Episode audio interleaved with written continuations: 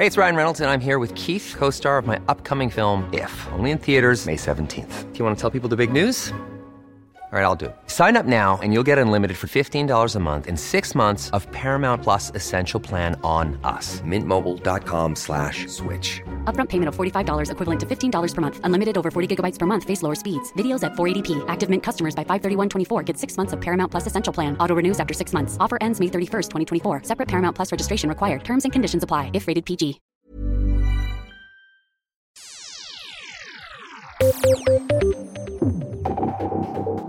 Humorprogrammet Nytt på nytt har igjen vekket kraftig debatt. De har nemlig køddet med krigen mellom Hamas og Israel, noe som til slutt måtte behandles i Kringkastingsrådet. Er det greit å kødde med så seriøse temaer så kort tid etter at de skjedde? Etter at regjeringens mangfoldsproblem ble satt på dagsorden, uttalte tidligere statssekretær Nancy Hertz at hun føler seg brukt som Støres mangfoldsalibi. Kan mangfoldige ansatte stole på å være ansatt på bakgrunn av sine kvalifikasjoner? KrFU-leder Hadle Rasmus Bjuland ønsker krav om diagnose ved juridisk kjønnsbytte. Dagens lovverk skaper mer forvirring enn trygghet, mener han. Bør vi sette strengere krav til bytte av juridisk kjønn? Du hører på Etikk og estetikk. Podkasten er tilbake i femte sesong og femte episode. Produsent er Adrian Eriksen, researcher Peter André Hegg og programleder det er meg, Danby Choi.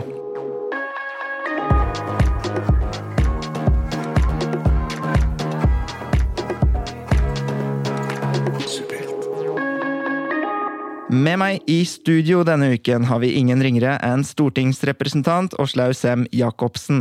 Sem-Jacobsen ble valgt inn på Stortinget i 2017 og representerer Telemark for Senterpartiet.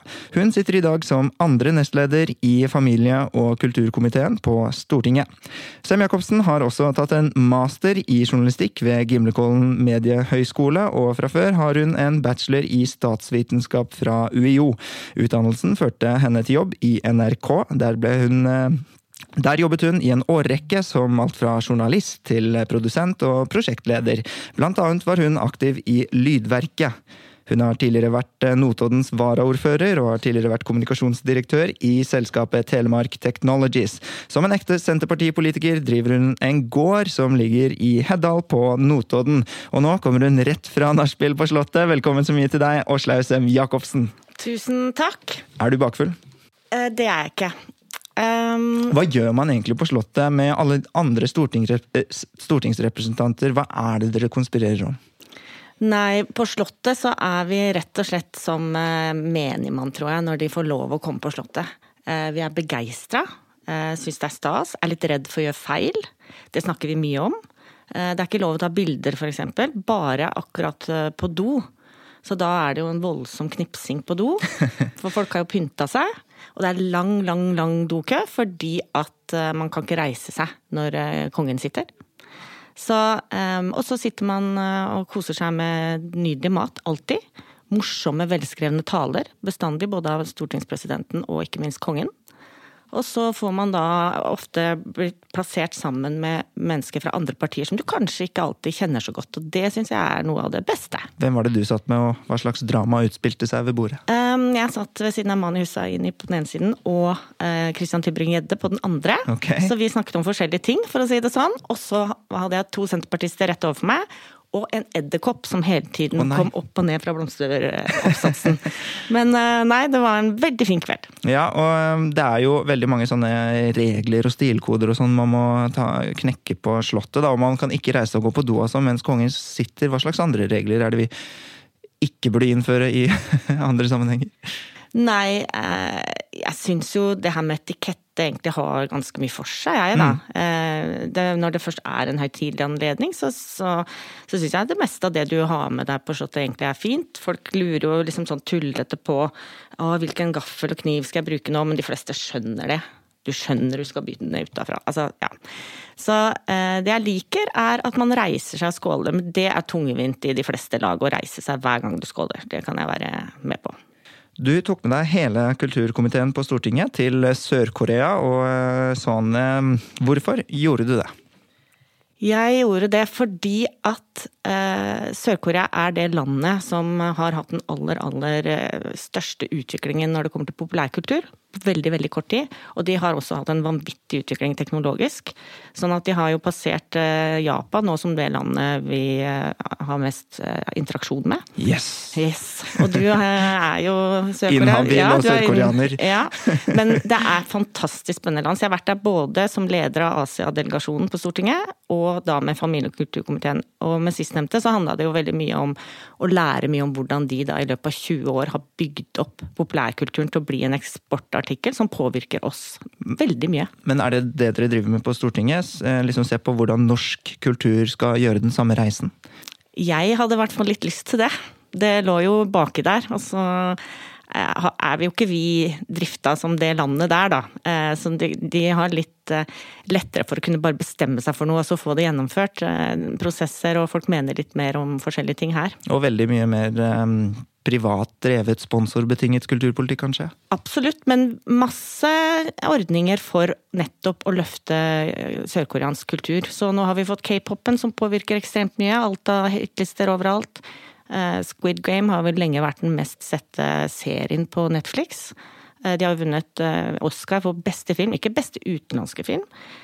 Og selv om det er mye kvantitet og mye sånn De nærmest lager fabrikker for å, for å utdanne, i anførsel, alle disse artistene f.eks., eller filmarbeidere, så kommer det jo mye kvalitet av det etter hvert. Mm. Og, mm. og det er ikke Det er innholdet i det òg.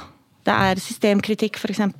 Det er det som er veldig kult med koreansk kultur. Da synes jeg også at det er høy kvalitet gjennomgående. Eller kanskje en hestesko. Det er både veldig populært og liksom k-pop og det er litt sånn fabrikkaktige. Eh, Men samtidig er det jo også liksom eh, ja, de gjeveste regissørene i verdens favorittfilmskapere også. Mm. Til slutt, eh, kanskje like mye en presseetisk fotnote som noe annet. eh, For du er tidligere sjefen min i NRK. Ja, det er jeg. Husker du meg? jeg, jeg gjør det. Så eh, det Hva- er fint. hva- Kan vi Ja. Hva lærte du i tiden i NRK? Eh, Jeg er fortsatt faktisk eh, ansatt i NRK. Jeg har permisjon. Altså, sånn er det heldigvis i Norge, at eh, når man får folkevalgte verv, som er heltids, da, så har man rett på permisjon. Og jeg er da ansatt i P3, og der har jeg lært veldig mye om ung målgruppe. Og så har jeg jobba da, ja, vært sjef i Lydverket mange år, vært musikkprodusent, litt sånne ting. Så musikk kan jeg ganske mye om, og populærkultur har jeg jobba mye med, og underholdning, da. Veldig bra, det kan komme godt med. Men jeg må si én ting før okay. du går videre. Og det er det at jeg har nok ikke master i journalistikk. Skulle nok gjerne hatt det. Så jeg tror Wikipedia er noen som har vært litt uh, tøffe på min, min bekostning. Ok, ok, jeg skjønner. Ja. Så du har uh... Så jeg bare får sagt det, så ikke noen tror at det er noe jeg er med på, og at jeg har. Veldig ryddig. Ja. Bjørn Kristoffer Bore er den som sitter til din eh, venstre her i studio hos oss i dag. Han er en norsk journalist og redaktør eh, fra 2019 i eh, avisen Vårt Land. Der er han også Adendir, administrerende direktør, den fjonge tittelen. Båre var en av eh, pionerene blant norske nettjournalister da han i 1995 eh, startet som journalist i daværende Skipsted Nett, det som senere utviklet seg til å bli sol.no. Senere jobbet han i Dagbladet i over 20 år, der han hadde ulike roller. Blant annet så var han redaksjonssjef i Dagbladet Pluss og konstituert magasinredaktør. Bore har også vært daglig leder i Natur og Ungdom. Vårt Land er ikke bare en del av Bores arbeidshverdag, den er nærmest for et familieanliggende å regne. Bore er sønn av Vårt Lands tidligere redaktør Tor Bjarne Bore og tidligere Vårt Land-journalist Marie Rein Bore. I 2020 ble han ikke minst også vinner og mottaker av den høythengende prisen Årets redaktør. Velkommen så mye til deg. Takk for det. Hva er en god redaktør? Godt eh, spørsmål. Eh, mange fyller rollen på veldig forskjellig vis. Eh, noen fyller den med å være en sterk aktør i den offentlige debatten og mene mye. Andre konsentrerer seg mer om å jobbe med journalistikken. Og så er det noen som er veldig kommersielt eller utviklingsorienterte. og Åh, dette var et kjedelig svar, men, men alle disse forskjellige rollene kan Det gjelder å ha rett person til rett tid på tror- rett sted. Jeg tror veldig mange som ikke har peiling på hva redaktører driver med, egentlig fikk det jo, litt driver med- oppsummert. Mm. Ja, for man gjør veldig mye forskjellig. Det er en veldig omfattende jobb, eh, der du kan ha det veldig gøy over 40 timer i døgnet. Men du må velge litt hvor du, hva du konsentrerer deg om, og hva du er god til. Vårt Land er en kristen avis. Fins det lenger kristne i Norge? Det gjør det. Uh, nå husker jeg jo ikke tallene her, men altså den største organisasjonen i Norge er jo Den norske kirke, med over tre millioner medlemmer. Oi. Uh, en ganske stor andel av dem sier jo at de tror på Gud. Uh, litt færre går jo i kirken til vanlig. Hvor mange av dem vet at de er medlem? Eh, det minnes de jo stadig på, da. Ja. Eh, altså, før så sendte man ut valgkort til kirkevalget hvert fjerde år, og, og etc. Det var en del rot for det når man skilte stat og kirke, så insisterte norske politikere på at kirken vel fortsatt skulle bruke folkeregisteret som medlemsregister. Det var jo ikke et ønske fra kirken, så da ble det en del krøll, krøll der. Eh, og, og, og, i gamle dager så var det jo kirken som var staten. altså Det var jo, som, det var jo kirkeboka som var folkeregisteret. Så det var en del rot der, men dette har jo kirken, Den norske kirke prøvd å rydde opp i. Men det fins sikkert fortsatt folk som står i rullene der, som ikke vet at de er medlem. Men det er jo noe kirken har prøvd å rydde opp i veldig lenge. Hvorfor trenger vi vårt land? Hvorfor vi trenger vårt land? Eh, nei, altså Folk burde jo abonnere, for det er en veldig god avis. Eh, og så tenker jeg jo overordna så er det veldig bra at samfunnsdebatten eh, analyseres fra forskjellige perspektiver. For det gir større tiltro til pressen og til den offentlige debatten. Slik at jeg er ikke nødvendigvis så opptatt av at aviser har et ståsted, men at de har et tydelig perspektiv. Slik Subjekt har det, slik avisen Nasjonen har det, slik Dagbladet har det, slik Aftenposten har det, slik Dagens Næringsliv har det. Og når du ser, Hvis du leser deg litt opp på idéhistorie, så vil du jo se at at vårt, eh, mye av vårt samfunnssystem og vår tenkning er jo basert i kristen tankegang. Altså Dette ordet sekulær er jo egentlig et litt sånn kristen begrep. At man skal skille mellom det som er staten og det som er kirken. Ja, mm. Gi keiseren det keiserens er, og Gud det Guds er. Før så var jo, og i mange andre religioner, så er jo dette med religion og samfunnssystem helt sammensmeltet. Så, så, så dette skillet mellom kirke og stat er egentlig en veldig grunnleggende kristen idé. Og Derfor så mener jeg også, selv om det er færre kristne i Norge, så er det viktig at vi fortsatt har har uh, aviser og miljøer som, som kjenner den tankegangen som er så grunnleggende for hele vår vestlige kultur. Nemlig. Eh, du har engasjert deg i mange verdispørsmål og hva gjelder religion, og ikke minst eh, Israel. I det siste så har du også skrevet at Dagbladet reproduserer antisemittisk argumentasjon eh, om grensen mellom Israel-kritikk og jødehat, og skille mellom det. Slik du også skiller mellom ja, sekularitet, stat og tro. Hvordan skal man skille mellom disse to tingene? Ja? Bare, bare for å være presis, så er Dagbladet historisk den avisen i Norge som har stått tydeligst opp mot fascismen. Men det var altså på lørdag så kom de i skade for å reprodusere antisemittisk argumentasjon. Og det, jeg tror det er, eh, det er all grunn til å Det er lov å kritisere staten Israel. Det gjør folk over hele verden hver dag. Til og med vårt land kritiserer Israel. Eh, og, og det er også lov med religionskritikk av den mosaiske tro, selvsagt. Men jeg tror når du prøver å forklare de valgene Israel tar i en veldig vanskelig sikkerhetspolitisk situasjon, med at ja, det eksisterer en eller annen slags mytisk jødisk folkesjel. Det er sånn de er. De er hevngjerrige, og de, de, tenker øye for øye, tann for tann. Og de tror de er Guds utvalgte folk, disse jødene. Med en gang du begynner å argumentere der, så, så dipper det over i antisemittisme. Altså, det er jo den typen argumenter Goebbels brukte for å forsvare eh, massedrapet på jødene. Så da bør man jo Man kan jo egentlig ta litt sånn Goebbels-tekst testen, da. Altså, jeg har tenkt å si dette. Sa han noe lignende? Ja, prøv å finne et annet argument. Det, yes. For å si det litt, det var kanskje litt flossete, men, men, men, det ligger noe der. Det kan hende vi kommer videre inn på tematikken, eh, fordi vi skal over til eh, Gazastripen. More or less, i hvert fall eh, Nytt på nytt. Jeg heter Sofie Elise, og du hører på Etikk og estetikk, en podkast fra Subjekt.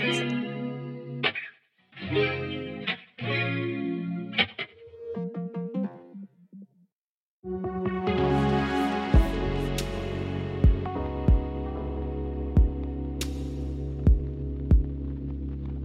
på nytt har igjen vekket kraftig debatt. De har nemlig køddet med krigen mellom Hamas og Israel, noe som til slutt eh, måtte behandles i Kringkastingsrådet. Er det greit å kødde med så seriøse temaer så kort tid etter at de skjedde hos Nausem Jacobsen? Eh, vi må svare ja eller nei. Det er prinsippet, ikke sant? Ja. ja okay, da er mitt unntak. svar ja. Ja, Og hva svarer du, Bjørn Kristoffer Bore? Ja. Men det er jo virkelig alvorlig tema vi snakker om her, eh, Sem Jacobsen. Forstår du at eh, programmet har mottatt kritikk? Absolutt. Eh, det er ikke rart. Når jeg satt og så det selv, så, så hoppet jeg litt i stolen nettopp fordi at jeg forsto at oi, nå, nå er de ekstra satiriske og tøffe. Um, og uh, særlig når uh, mesteparten av befolkningen egentlig er ganske sjokkert over det som skjer i, i, på Gazastripene.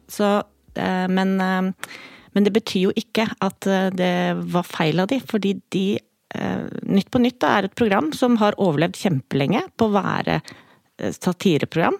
Men for å fortsette å være relevante, så må det jo være satire med stor S, og da må de strekke strikken. Men de må forstå at de får kritikk, og det handler jo veldig ofte om både timing og hvordan. Men eh, er det, altså dette er et spørsmål om timing, rett og slett. Var det for tidlig? Timing er én ting. En annen ting er hva du vitser med. da. For Hvis du ser på de to vitsene til, til, til Svenneby, som han er blitt mye kritisert for, eh, så må jeg innrømme jeg lo jo av begge. Kan du, ja, kan du prøve å uh, ja, gjengi hva liksom, det var? Hvordan var den ene? På den ene siden har vi et sånn uh, strengt religiøst teokrati som uh, driver med terror og hater homofile, og på den andre siden har vi et liberalt demokrati med, med homoklubber og etc. Og, og ja, det er et vanskelig valg for mange, sa Svenneby. Og, og jeg, jeg lo. For dere. Ja, jeg òg lo. Og det er jo ikke, for det, vitsen er jo ikke liksom balansert eller representativ eller, eller full av nyanser eller noen form for en safe space. Uh, vitsen er jo morsom, og det er jo det en vits skal være. Uh, og, og, men samtidig har den jo et brodd av et politisk poeng, da. Der man i, i, i, i norsk debatt så, så, har det jo gjerne vært konsensus i alle de år om at Israel er den store skurken her, og det bildet er jo litt, litt mer balansert nå. Ja. Man begynner jo å få øynene opp for, for hvor problematisk regimet på, på Gazastripen er. Uh, så har du den andre vitsen som kanskje var litt sånn tettere på å være problematisk, der man begynner å vitse med masseevakueringen av sivile. ikke sant? Og, og, og, det er jo masse folk som dør og blir, må flytte seg i en vanskelig situasjon, og, det er helt forferdelige forhold og så sitter altså lederen av Unge Høyre og vitser om det. Men det han vitset om, var jo at Egypt nekter å åpne grensen. Ikke sant? Man snakker om at Israel holder to millioner mennesker fanga i et fengsel. Ja, men det gjør også den mektigste arabiske staten i verden. For Gaza grenser også mot Egypt. Og det må det gå an å drive satire om. for det og det er tidlig, og det er krevende, og jeg skjønner at folk blir såra, men humor og, og, og, svart humor og galgenhumor har jo en viktig rolle for oss mennesker i å liksom og hjelper oss å håndtere vanskelige situasjoner, og situasjoner der man får sterke følelser. Og det får vi jo av, av, av tragedien. For det er en bunnløs tragedie vi er vitne til i Midtøsten. Og, og, og, da må også satireprogrammer kunne ta opp det. Men jeg syns han eh, balanserte akkurat innafor. Men det er, det er krevende. Og den siste vitsen, det var jo også Han spøka også med Fosen-saken. Ja, hva var det? Eh, ja, for det, nei, de kunne ikke evakuere De kunne ikke evakuere til Gaza, for der var det, det var sånn sommerbeite for Fosen. ja, ja. Det, det, og, ikke sant? og vi skal heller ikke spøke med, med folkerettsbruddet på, på, på, Fosen, men, men, det var jo morsomt. Altså, jeg kjenner Jeg gjør meg inhabil av å le her, jeg må jo bare late som om jeg ikke hører vitsene. Men altså, det stemmer at tidligere i høst var det klagestorm altså mot uh, Nytt på Nytt, etter at unge Høyre-leder Ola Svenneby vitset med uh, og om Gaza og krigen krigen mellom Israel og Hamas. Få dager senere hadde det kommet inn hundrevis av klager, bekreftet NRK. Særlig gikk klagene på nettopp unge Høyre-lederen, eh, som var gjesteprogramleder. Flere mente at vitsene hans gikk langt over streken, og annet skrev samfunnsdebattant Eddie White i et eh, leserinnlegg hos Dagsavisen at humoren var smakløs, vulgær og uakseptabel. Hvis vi går litt inn på liksom disse ordene, da. Ja, ja, det må være lov, og ja, det må være greit å kødde og sånn. Samtidig går det vel an an at humor også blir smakløs, vulgær. Eh, hvem er det som får rett? Hvem er det som bestemmer hvem som til slutt eh, har mest rett i disse spørsmålene? Jeg tror det er veldig eh, individuelt, både hvordan vitsen er, hva den inneholder, men også hvem som lytter på den. Sånn at kanskje det er en majoritet som syns at det var greit, mens en mindre del av lytterne syns, eller seerne da, syns at det var smakløst eller vulgært det varierer jo litt. Eh, og heldigvis så slipper vi egentlig å, å måtte bestemme oss, med mindre man da skal felles f.eks. i eh, PFU, da. Eh, så det Jeg, jeg syns f.eks. at når man velger å, å å, å, dra på litt, da, sånn som man gjorde denne gangen, og mange andre ganger også i Nytt på Nytt, så er jo noe av humoren også det at man tør å dra på. Altså 'ops, nei, du sa ikke det'. Altså Man ler også av det. Mm, mm. Og derfor kan det òg noen ganger bli litt vanskelig, for du kan jo mistenke at man også gjør det liksom for å sjokkere. Man ler også av at det var så ugreit. Av at det var så Nettopp, smakløst. Av at nettopp. ikke sant? Ting blir morsomt i akkurat det. Du ble nevnt, eh, det ble nevnt PFU her. og eh, Din eh, kone Bjørn Kristoffer Bore er faktisk leder i PFU. Eh, Hva snakker dere om rundt eh, middagsbordet, og hvordan, man, hvordan gjør man det egentlig med humorprogrammer? Ja, det er interessant, for eh, vi er litt uenige om det. Uh, vårt Land har på lederplass kritisert en uh, viktig humoravgjørelse i NRK, og det var jo denne jødesvin-sketsjen. Ja. Unnskyld uttrykket, men altså det dreide seg om en digital sketsj der NRK brukte ordet jødesvin som et sentralt poeng. Og det var jo ikke antisemittisk ment, men, men PFU mente jo det var innafor, for de sa dette var humor, så, så, så det, det måtte være greit. Og Vårt Land på lederplass skrev jo at eh, skal være litt forsiktig med å bruke det ordet som liksom fulgte jødiske barn inn i gasskammeren i Bergen-Belsen og Auschwitz. Altså, en rikskringkaster skal være litt forsiktig med å drive humor rundt akkurat det ordet. For, for jeg mener jo det som gjorde at Nytt på Nytt var godt innafor her, eh, selv om jeg skjønner at mange blir såra, var jo at det var satire mot, mot stater og mot eh, bevegelser. Men de satt ikke og lo av at barn ble knust av betongblokker og, og, og slakta i sengene sine. Og, og, det er da kanskje der man skal prøve å være litt forsiktig med å ikke, ikke, ikke more seg når andre lider. Og, her er det jo mange også som, i Norge som er tett på dette. Jeg kjenner jo folk i min omgangskrets som har slekt i Gaza, og som har slekt like på på andre siden av, av, av grensa, og vi skal ha respekt for at det er ikke så gøy for dem. Den der, den der, det der Men med det tålekulturen er- er, litt, eh, er, er, litt lei av. Jeg skjønner det, men er det egentlig mulig? Fordi det er jo også akkurat det samme Ola Svenneby gjør her. Han kødder jo, og vi har det gøy, og det er fordi det er en distan lang nok distanse bort dit. Ja, men Men jeg, syns han gjør det på riktig måte. Ja, nemlig, nemlig. Det, det, fordi fordi han, han morer seg ikke over eh, Han har ikke noen sånne der, eh, døde barnevitser. Det ville vært veldig upassende. Og, og, og kanskje episoden framstår litt mer upassende et par dager etter, når liksom dødstallene er blitt mye større på Gaza. Så ville man kanskje vitsa litt annerledes. Men, men der og da syns jeg dette var eh, innafor. Du kommer jo også fra et eh, mediehus, eh, eh, Seim Jacobsen. og vi, Jeg må nevne en liten sånn anekdote, fordi min venninne Sofie Elise ble roastet av Else Kåss Furuseth. og Dette skulle klippes sammen til en VG-artikkel og et VG-klipp. Og så det, ble det noen vitser om meg også, som jeg syntes var egentlig ganske morsomt. og Blant annet så sa Else Kåss Furuseth at ja, du vet det går dårlig med deg, Sofie Elise, når den eneste vennen du har igjen er Dan Bichoy.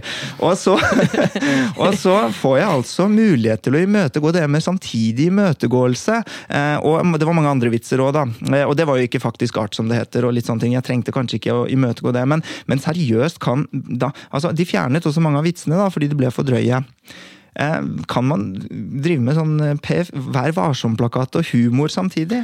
Det det skal jo være en mye større takhøyde på satire. Ja. Men ikke sant, da hvis man sier at det finnes ingen etiske grenser, så får man heller si det, da. Mm. Da får man si at presseetikken ikke gjelder satire, men det er ikke regelverket foreløpig. Og det går ikke an, kanskje, Også, også, også, altså alt i redaktørstyrte medier er underlagt Vær varsom-plakaten, men, men det skal veldig mye til for at humor og satire blir felt. Men, men jeg syns ikke det skal være teoretisk umulig. Se for deg lydprogrammer og musikkprogrammer og sånn. Går det, altså går det egentlig an å regne det som journalistikk på samme måte? Kanskje akkurat Lydverket, jo. Eh, Ja, Lydverket drev jo faktisk med musikkjournalistikk, men eh, mye, mye av det man driver med når det gjelder underholdning, f.eks., eksempel er jo eh, er jo ikke det samme som nyhetsjournalistikk, og der må man jo være nøyere. Men samtidig, også satireprogrammer har en redaktør som skal på en måte tenke på publiseringen. Og derfor så forstår jeg at kanskje man klipper vekk noen sketsjer. Jeg har jo, som vi snakket om i sted, eh, vært eh, i P3 og i Ung-avdelingen. Og eh, der har vi jo opp igjennom hatt eh, behov for å tøffe oss litt. Og det var en liten periode der jeg ja, hvor vi egentlig var sånn Hvis ikke vi kommer i Kringkastingsrådet, da har vi egentlig mista litt da. Vi tulla med det. Jo, vi men det mente jo- det ikke, det er men vi nokså tulla litt med det. Ja. Det er nokså riktig. Jo. altså Journalistikk skal balansere mellom Men, Men, men roasten er jo litt interessant, da. Ja. For roasten er jo litt omvendt. Det er jo en slags safe space for grensesprengning. Ja. Ikke sant? Alle i dette rommet her er innforstått på at nå skal vi si forferdelige ting, Ja. og vi skal spøke med at uh, faren din ble skutt, og det er kjempegøy, og Ja. ha-ha, osv. Det er jo definisjonen på roast. Og så fungerer kanskje ikke de mest ekstreme utslagene der like godt når det streames på VGTV, og tolvåringer kan se det hjemme Ja. uten å skjønne kontekst, uten å skjønne hva dette formatet er. Det, det syns jeg vi kan ha litt respekt for. Det Men, det- men, men, men liksom, hvis, hvis noe ble sagt åpenbart i en sånn grensesprengende sammenheng i et lite rom der det var noen få mennesker til stede, så syns jeg man kan ha en litt høyere terskel. Men når det skal sendes i primetime, så går det an å tenke på hvilken effekt har disse ordene ute når fire millioner mennesker kan høre dem. Ja, Poenget er bare at eh, humor er, sant, er jo grunnleggende grensesprengende. Så med en gang man skal sette begrensning, så blir det rart. Ja, men, men, det gjør man jo. Man har jo alltid gjort det på Nytt på Nytt. For man tar jo opp mye mer enn man sender, og så redigerer man ut det man syns ja, er dårlig det, eller ikke fungerer jo, så godt. Ja, og, det, og, det, er jo legitimt. En god vits eller en dårlig vits, liksom. Det, det, kan så, jo være at de er dårlige vitser, og, og da er det ikke vits å sende. Hvis du fjerner en vits du syns var kjempemorsom, men du tenker ok, dette fungerer kanskje ikke så godt, så er jo ikke det nødvendigvis noe uttrykk for kansellering. Det er normal eh, redigering og, og kvalitetskontroll. Mm. I uh, Kringkastingsrådet så konkluderte de i hvert fall med at uh, Nytt på Nytt var innafor, og det var også Ola Svenneby, ifølge dem. De mm. sa faktisk at krig er for alvorlig til å ikke bli spøkt med. Det gjelder også terrorangrep, mener de altså, og vi prøver ikke å skygge unna det smertefulle i satiren. Vi ville lage satire på det brutale uten å gå rundt grøten. Og vi konkluderer vel der at det må være greit. Det må være greit. Yo! Det er Uge Marstein eh, her, fra Undergrunn Klikk. Du hører på Etikk og estetikk av Subjekt. You know the shit.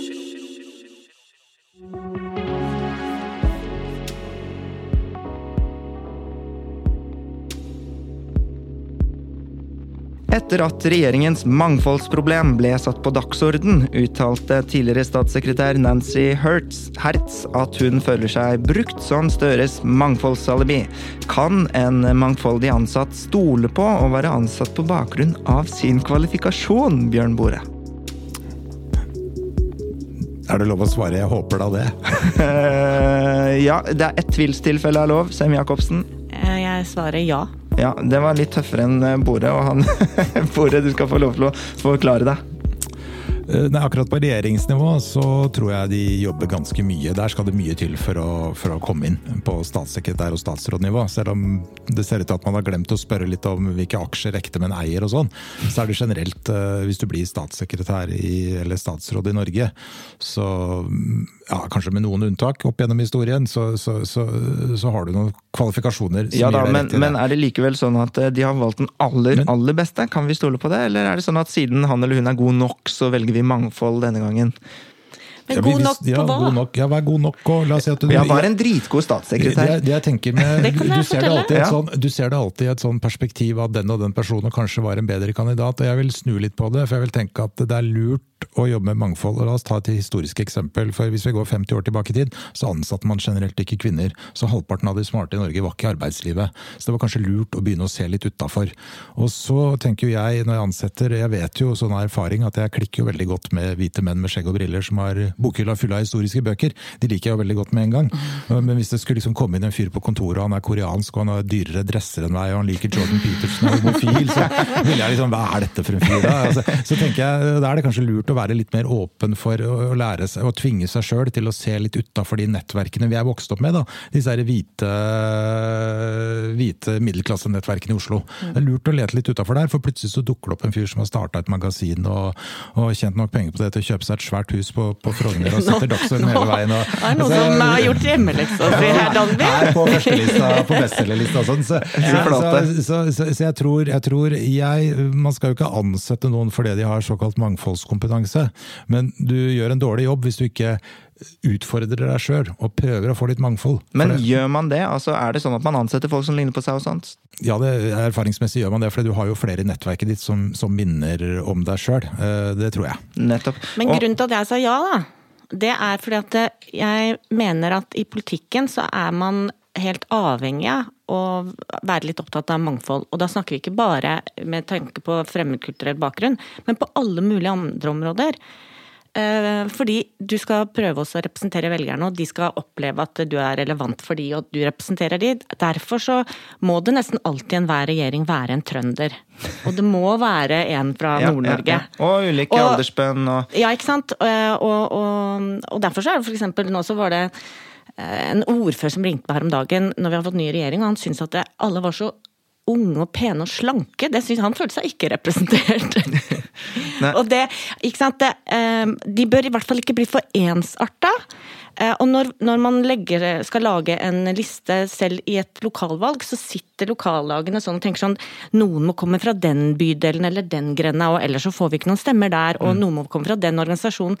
Så akkurat mangfold er man ekstra opptatt av i politikken, og derfor så tror jeg nok eh, de Men- fleste som er politikere det er ikke bare pga. mangfoldet, du må også være noe mer. Ja, Men jeg syns jo nesten det kyniske mangfoldet er bedre enn, det, enn det uærlige mangfoldet. på en eller annen måte. Altså, nå har Vi ikke noe, vi mister liksom velgerne våre. La oss si du er Høyre og mister eh, Tesla-velgeren fra Bærum. Altså, Hvis du tenker sånn, så er man i det minste ærlig om det. Men, men er, det, er, det no, er det mye med image her også, Slau? Uh, nei, altså akkurat det her med um, flerkulturelt eh, mangfold i politikken, det har jo vært en, en det, har man snakka om i 20 år, Ja, og egentlig. hvorfor er det viktig, kort sagt? Nei, vi har jo en stadig større voksende befolkning som har eh, fremmedkulturell bakgrunn, og det vil jo være ganske høl i huet hvis ikke A. eh, Partiene er opptatt av at de skal stemme på seg, og B. egentlig tar inn over seg det ansvaret at man skal faktisk fronte en eh, gruppe som, som eh, man må vite mest mulig om for å gjøre en god jobb også for de, da. Og så at man representerer samfunnet Hele man ikke veien. minst lager regler for. ikke Ja, ja, sant? ja. Men, men på Stortinget er dere gode nok på det? Er det ikke sånn at typ, alle på Stortinget har høyere utdanning, f.eks.? Nei, det er heldigvis ikke sånn. Det er mye forskjellig på Stortinget. Men eh, eh, det er allikevel selvfølgelig majoriteten har det. Eh, og eh, det har jo vært en del sånn snakk om f.eks. oi, vi vil ikke ha politikere som bare er broilere, er jo en sånn saying. Eh, og det er fordi at mange føler at da blir ikke de representert. Og det er jo en stor del av velgerne og befolkningen som f.eks. ikke har høy utdanning. Og, og hvis majoriteten av alle politikere på en måte både snakker som om og er bare opptatt av um, Ja, de snakker veldig akademisk, f.eks., da. Så hvor, da kjenner man seg jo ikke igjen, og man blir jo da redd for, for dette her er grunnleggende, man er jo redd for at man ikke skal bli ivaretatt av myndighetene på en god måte. Og derfor er det så viktig å vise at f.eks. for eksempel for Jonas da, så bør jo han være opptatt av å vise at eh, her er det folk som er opptatt av deg. Men jeg har litt uh, lyst til å spille inn eller innvende på en ting. Er det sånn at vi får et mangfold hvis vi ser liksom masse forskjellige hudfarger, eller er vi, er, blir vi litt lurt av det òg? Liksom? Altså, det er jo ikke sikkert at jeg ville representert innvandrere ved å sitte i en regjering hvor jeg var innvandrer. Jeg er så det. glad du stilte det spørsmålet, for nå hadde jeg lyst til å komme ridende inn på en sånn liten kjepphest her, og det er at jeg syns vi av og til tenker litt ensidig rundt mangfold. Altså, Når det skal gjøres noe med mangfold, så tenker gjerne folk at her må det komme en muslim. Eh, Nå skal jeg ikke, Det er ikke meningen å være kritisk til islam og muslimer. Jeg syns det er fantastisk, at, eh, for det er en større andel av befolkningen. Det er viktig at vi har tydelige muslimske politikere og journalister osv. Men vi tenker så ensidig rundt det. da. Vi har f.eks. en ganske stor innvandring i Norge av kristne, av katolikker fra Øst-Europa. Helt usynlige. De ses, ses aldri på som en del av mangfoldet. Det er litt rart. Eller altså sånn der, litt sånn småkonservative, ultraliberale Ja, for- koreanere. Ja, altså men, det- jo, men hva, det- det hva, hva med liksom. Himanshu Gulati, da, Ja, for å bruke noen andre enn meg Ja, selv? ja, ja. Altså, man er jo sånn, ja, Hvorfor er han innvandringskritisk? og sånn? Ja, Han, er jo, han er jo hindu og Ja, ja, eliteinder, og en av de rikeste på tinget. Man møtes med så utrolig strenge forventninger til hva man skal levere på av mangfold. Det, Mm. det, det, nå ser jeg at du nikker her, og det, er vel et poeng du også har vært Ja, inne på. ja, ja, kanskje absolutt. Mm. kjenner deg igjen i, og det, er jeg så enig i. da. For vi må se Åh, dette hører veldig politiker, men vi må jo tørre å se mangfoldet i mangfoldet. Ja, ja, ja. Jo, men det er jo helt Eh, riktig. Hvis ikke så tror man at eh, bare fordi du er muslim, så må du være sånn. ikke sant? Det er jo ikke... Ja, Men, ja, men det er der, derfor jeg sa ja, da. Ja. I sted. Og det er det at det, på, I politikken så er min eh, mening er at man faktisk går lengre enn bare tenke eh, mangfold med tanke på flerkulturell bakgrunn. Man tenker det med tanke på funksjonsnedsettelse, legning, geografisk, alder, kjønn. Altså, det må man ofte tenke uansett eh, når det kommer til sammensetning.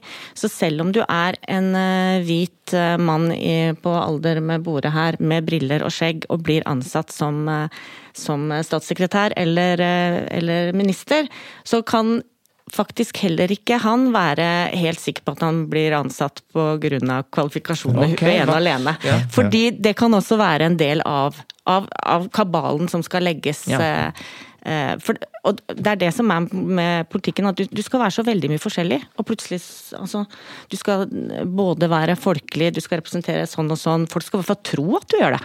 Men er det rettferdig? Eh, Da Lubna Jeffrey før Lubna Jeffrey ble kulturminister, så var jeg ute og hørte med alle hvem skulle det bli, og sånn, og da var det mange som sa at eh, de tør ikke å få noen andre, enda en sånn blenda-hvit inn i regjeringen, vet du, det blir henne. Var det mange som sa da. Eh, Er, er ikke det litt dårlig gjort egentlig mot alle andre som kanskje har jobbet hardt, da?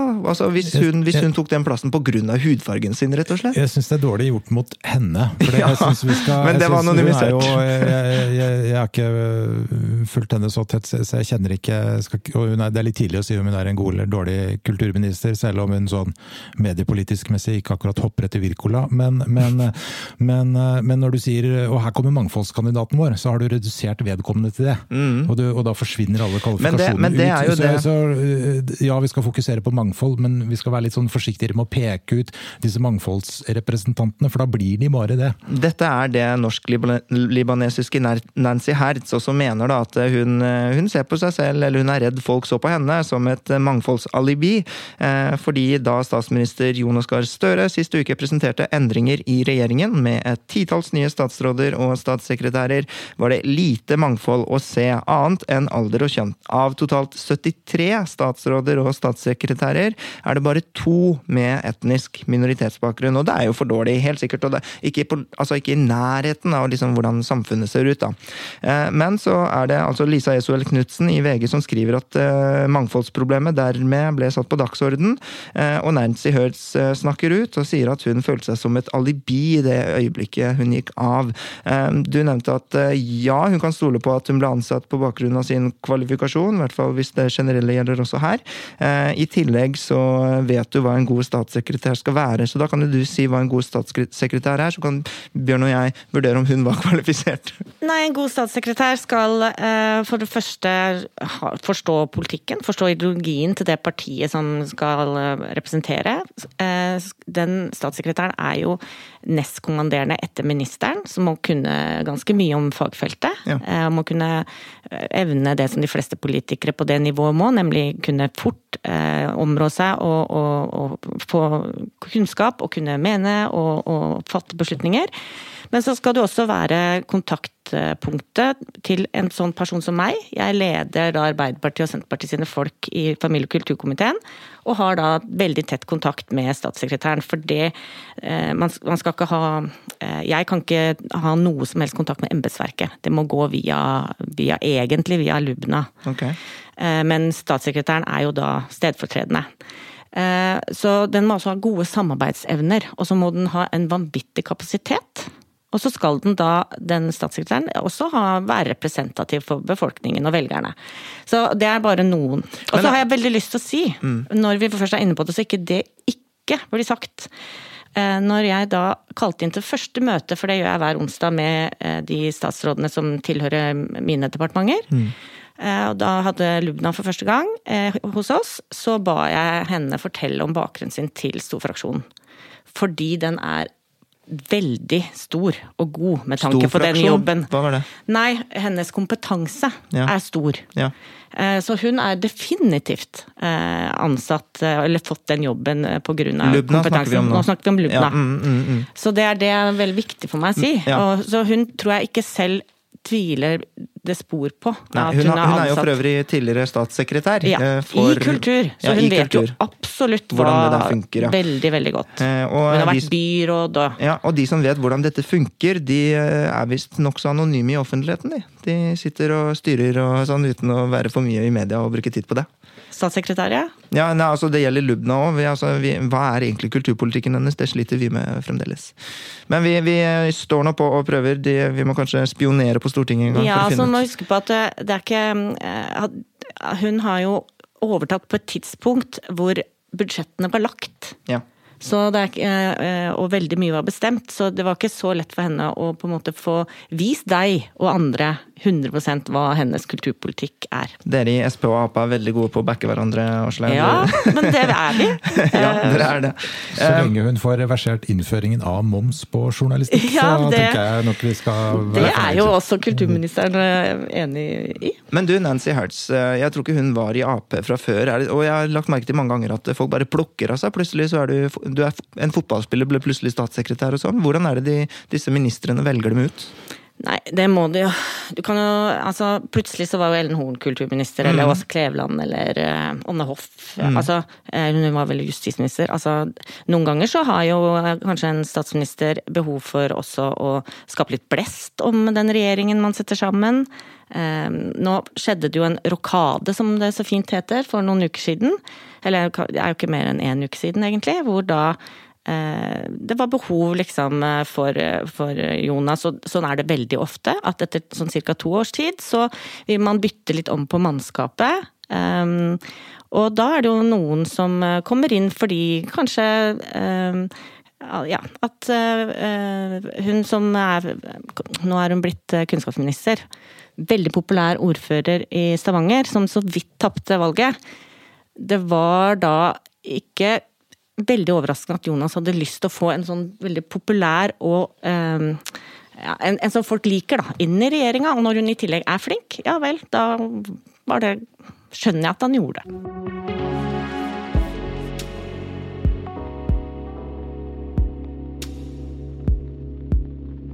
KrFU-leder Hadle Bjuland ønsker krav om diagnose ved juridisk kjønnsbytte. Dagens lovverk skaper mer forvirring enn trygghet, mener han.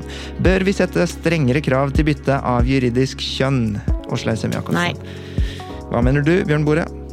Nå har du ikke flere tja igjen. Nei, jeg skal si ja. ja. Jeg personlig, Vårt Land har ikke skrevet noe lederartikkel om det, så skulle vi gjort det, så skulle jeg mm, tenkt meg litt nøyere om en, en, en time på en fredag ja. ettermiddag. Men jeg, spør du meg her jeg sitter nå, så tenker jeg ja. Ja, nemlig. Og, og, ja. og hvorfor eh, mener du nei? Nei, jeg syns ikke det er sånn beint frem-sak, men eh, etter at vi innførte eh, at man kunne velge juridisk kjønn på en veldig byråkratisk måte for å ivareta en gruppe som ja, er, ikke har det så greit. Altså de som eh, har eh, ja, sliter litt med kjønnsidentiteten sin og er transseksuelle f.eks., så har det jo ikke vært et stort problem. Det har ikke skada så veldig mange. Eh, det er ikke så mange som har egentlig endra juridisk kjønn. Tror det er vel bare opp mot 2000. Jeg hører Tonje Gjevjon skrike i øret mitt, men, men, men og, og dine egne Jenny eh, Klinge og, og, så videre. Men jeg har lyst til å nevne at Subjekt har dekket dette veldig mange ganger, og jeg har også tatt stilling i noen av disse spørsmålene, så det er mm. ryddig av meg å, å, nevne det. Men jeg skal prøve å stille like dumme spørsmål begge veier. Um, jo, men altså, det, det er jo litt sånn der, ja, men det er bare én altså, Kvinnelig omskjæring er ikke et så stort problem. Det er få altså, det, er, det, er, jo noen som angrer, og som dette har gått alvorlig utover. da. Ja, men det er jo ikke det at de har skifta juridisk kjønn som uh, er så vanskelig. Nei. Det er jo selvfølgelig hvis de har tatt kjønnskorrigerende operasjoner. Mm, mm. Det, jeg, det, er en annen sak for ja. meg. For det vet vi for lite om, og det er så fatalt. Eh, sånn som det er nå, så kan du jo også skifte tilbake juridisk kjønn uten at det eh, Altså det er bare litt hassle. Mm. Men, men eh, Lettere enn et mobilabonnement, var det den Ja, det, det, var, det var nok litt satt på spissen. Ja. For det er litt vanskeligere enn det. Det er ikke bare bare å skifte personnummer og alt sånt noe, men, men allikevel det, det som fort skjer, da, og som jeg håper veldig ofte i disse debattene at man kan være litt forsiktig med, det er å ikke blande sammen. Eh, for det er forskjell på juridisk kjønn og det å eh, det som veldig mange er opptatt av og bekymra for, nemlig eh, det å, å gjennomføre kjønnskorrigerende behandlinger kanskje når man ikke burde gjort det. Eh, Bjørn Bore, dette er altså mennesker som har det veldig vondt ofte med, med kjønnsinkongruens, og som krever den anerkjennelsen det er at man tillates å bytte juridisk kjønn. Hvorfor vil det gjøre det vanskelig for dem? Før var det jo for vanskelig. For før var det jo et krav om kastrering, blir det vel framstilt sånn. Nå husker ikke jeg detaljene i den gamle loven, men det var nok noe strengt. Og det var jo derfor det ble endra, fordi det var problematisk. Mens andre land har jo mellomløsninger. Norge har jo et ekstremt liberalt uh, lovverk her, sammenligna med andre europeiske land. Og jeg tenker nok at det bør være en viss terskel der. Ikke uoverstigelig, men en viss terskel, for det kjønn er ikke uten betydning. Vi har fortsatt lover som ikke er kjønnsnøytrale. Vi har trygdeordninger som ikke er kjønnsnøytrale sentrale. Det er prosesser og utvelgelsesprosesser både i utdanning og i arbeidsliv der kjønn vektlegges, og, og, og, og kjønn har også en, en betydning i hverdagslivet. Altså, jeg tror ikke at folk skifter kjønn fordi de har så veldig lyst til å vifte med penis i en damegarderobe, eh, selv om det sikkert har skjedd en gang eller to. Disse finnes også. Så tror jeg folk har gode, sikkert helt rene motiver til det.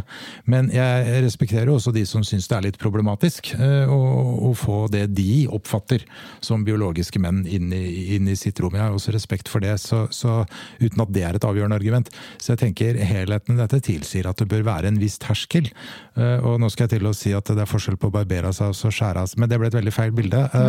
Unnskyld. Ja, du, du, sa kjempedårlig. Du sa det likevel. Jeg sa det likevel. Du har sagt det i en humorkontekst, det må vi si. Det må vi si, så det er innafor.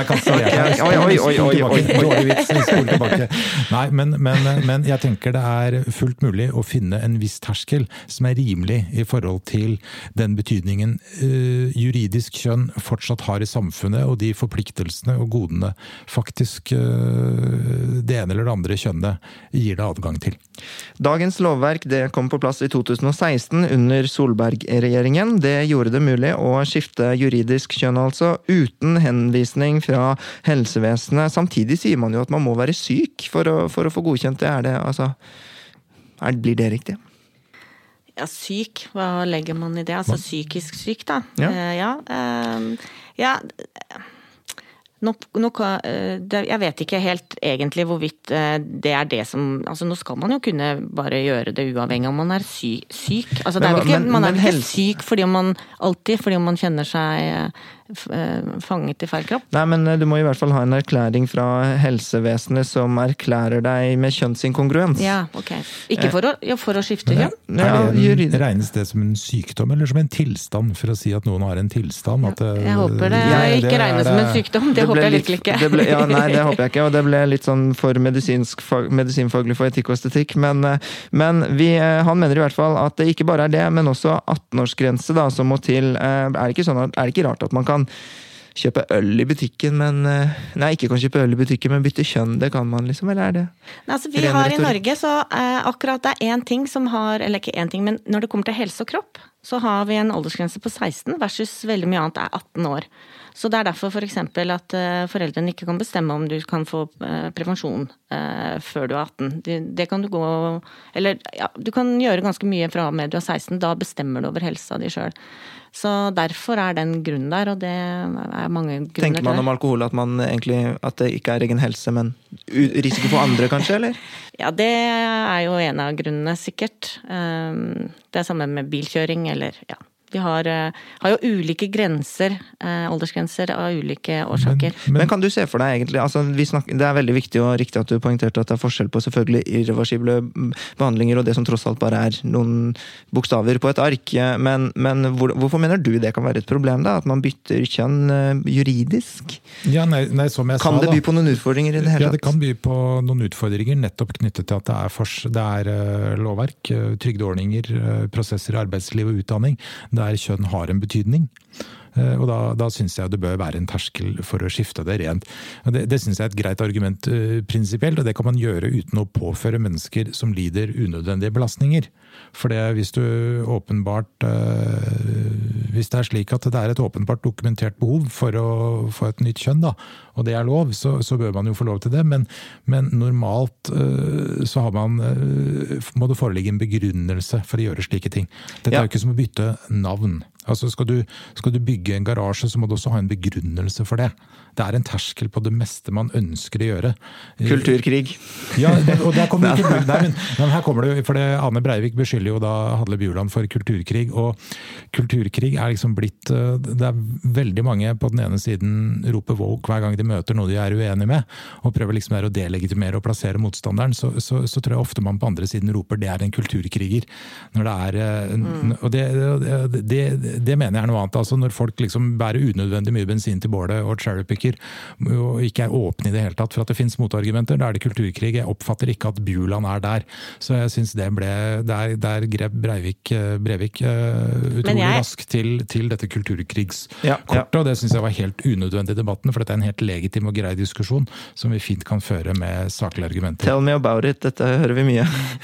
Nei, jeg, jeg kaller han heller ikke en kulturkriger, men jeg må jo si at det er litt eh, hva skal vi si, taktisk smart eh, av KrFU å løfte den debatten, fordi de vet at eh, folk er veldig opptatt av det. sånn ja, men kan vi, unne, kan vi, ikke unne, dem det at men, det er riktig og taktisk smart samtidig? Det er ikke jo, først og fremst taktisk smart. Jeg sier ikke at ikke det er det, men ja, okay. det er også taktisk smart. Ja. Så det må man rett og slett Jeg husker jo også et parti som før forrige valg hadde ganske høye målinger, fordi de var snakket om ting taktisk folk var smarte. opptatt av. Ja, ikke sant? Og er det, er det forbudt? Ja, det, Nei, det er ikke det. Det, det, er ikke det. Høres veldig politisk smart ut. Det ga et parti ganske mange mandater på Stortinget, mm. så, så, så, det tenker jeg er, er, helt legitimt. Det hører med til historien da, at uh, mitt parti de stemte jo ikke for uh, Nei, også, å innføre, eller at man kunne skifte juridisk kjønn. Og det var fordi at man ønska jo en litt større oversikt over hva slags konsekvenser det kunne få. Ja, altså hva slags konsekvenser det kunne få. Vi må jo nevne et eksempel, for i sommer var det veldig veldig gøy da han eh, studenten ville så veldig gjerne komme inn på dette prestisjefylte faget Induc i Trondheim.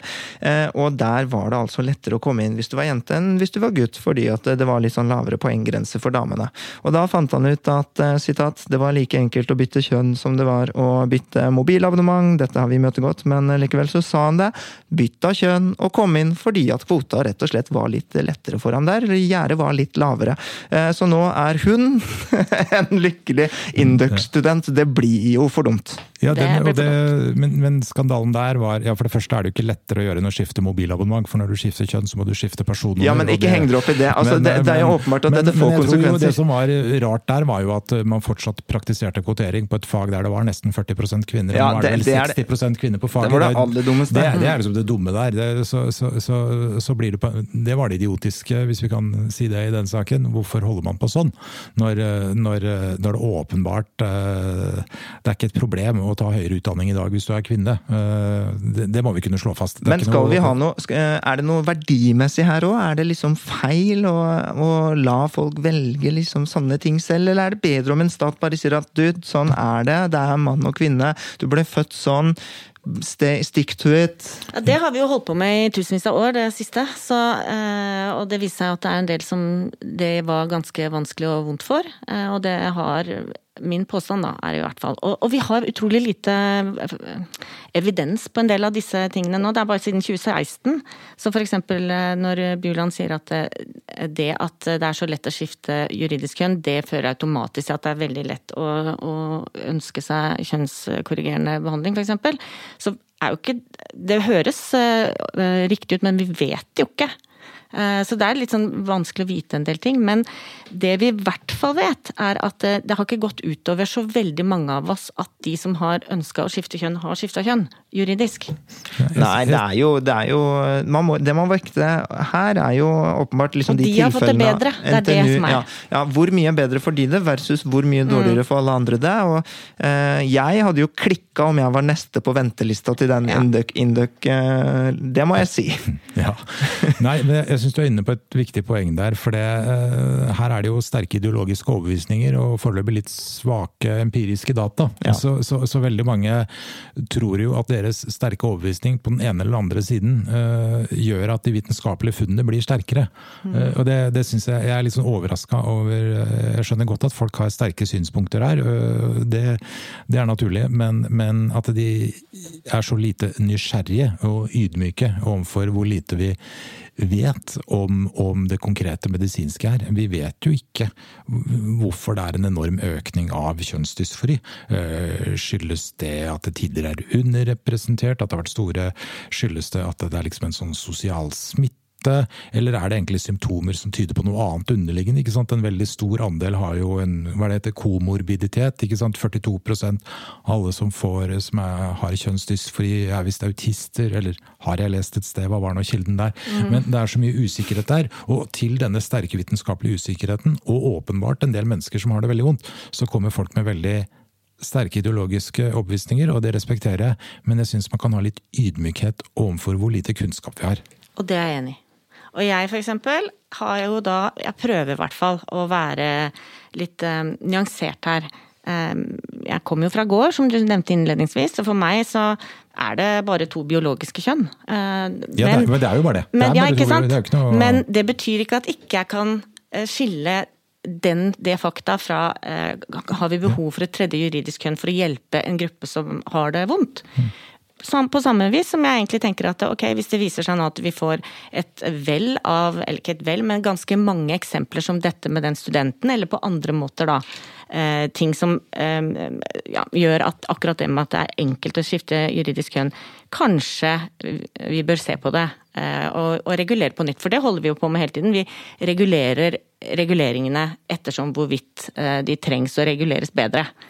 Men hvis den eh, loven Men den, det, Jeg syns ikke vi har kommet dit enda at det viser seg så veldig tydelig at vi har gjort feil ved å ha det gjør det mulig å skifte juridisk kjønn så fort. Nei. Men igjen, vi mangler bevisene. Ja, og, og, men, og du har et godt poeng når du sier dette med juridisk kjønn er jo mindre irreversibelt. da.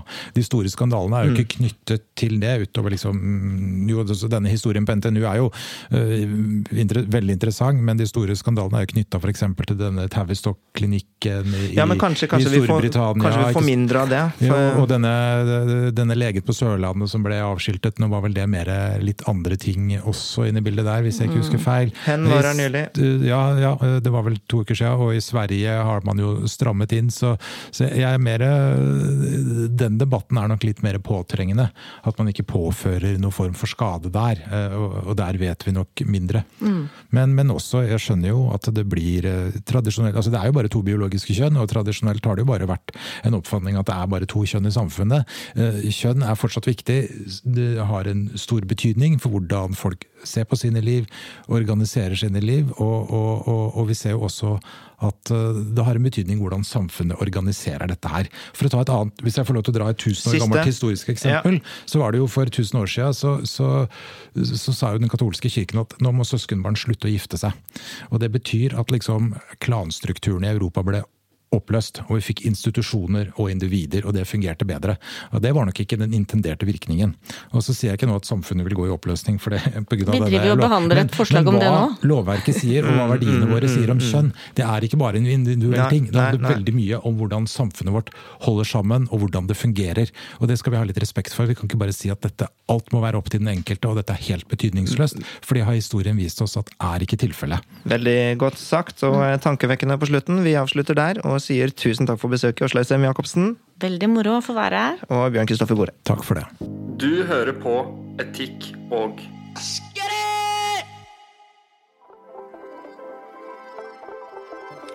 Tusen takk til eh, gjestene som eh, nok en gang eh, bidrar med kunnskap og klokskap til subjekt og etikk og estetikk. Vi håper at du kan følge oss der hvor eh, det er relevant. På Facebook så har vi også en egen eh, Facebook-gruppe som heter Etikk og estetikk. Der diskuterer vi samtaleemner som er eh, relevant for podkasten, rett og slett. Og for subjekt, selvfølgelig. Det er også veldig hyggelig om du kan legge igjen en sånn stjernerangering på Apple Podkaster, om det er der du hører på oss, eller eh, anbefaler podkasten videre til den eh, du eh, ønsker å gjøre det til. Ellers så har jeg lyst til å si tusen takk til eh, Fritt Ord, som siden start har støttet Subjekt, men også podkasten Etikk og estetikk.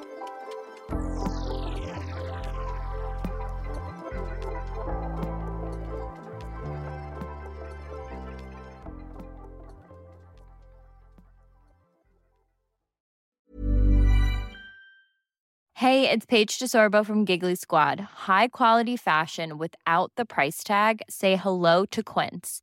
I'm snagging high-end essentials like cozy cashmere sweaters, sleek leather jackets, fine jewelry, and so much more. With Quince being 50 to 80% less than similar brands. And they partner with factories that prioritize safe, ethical, and responsible manufacturing. I love that. Luxury quality within reach. Go to quince.com slash style to get free shipping and 365 day returns on your next order. Quince.com slash style.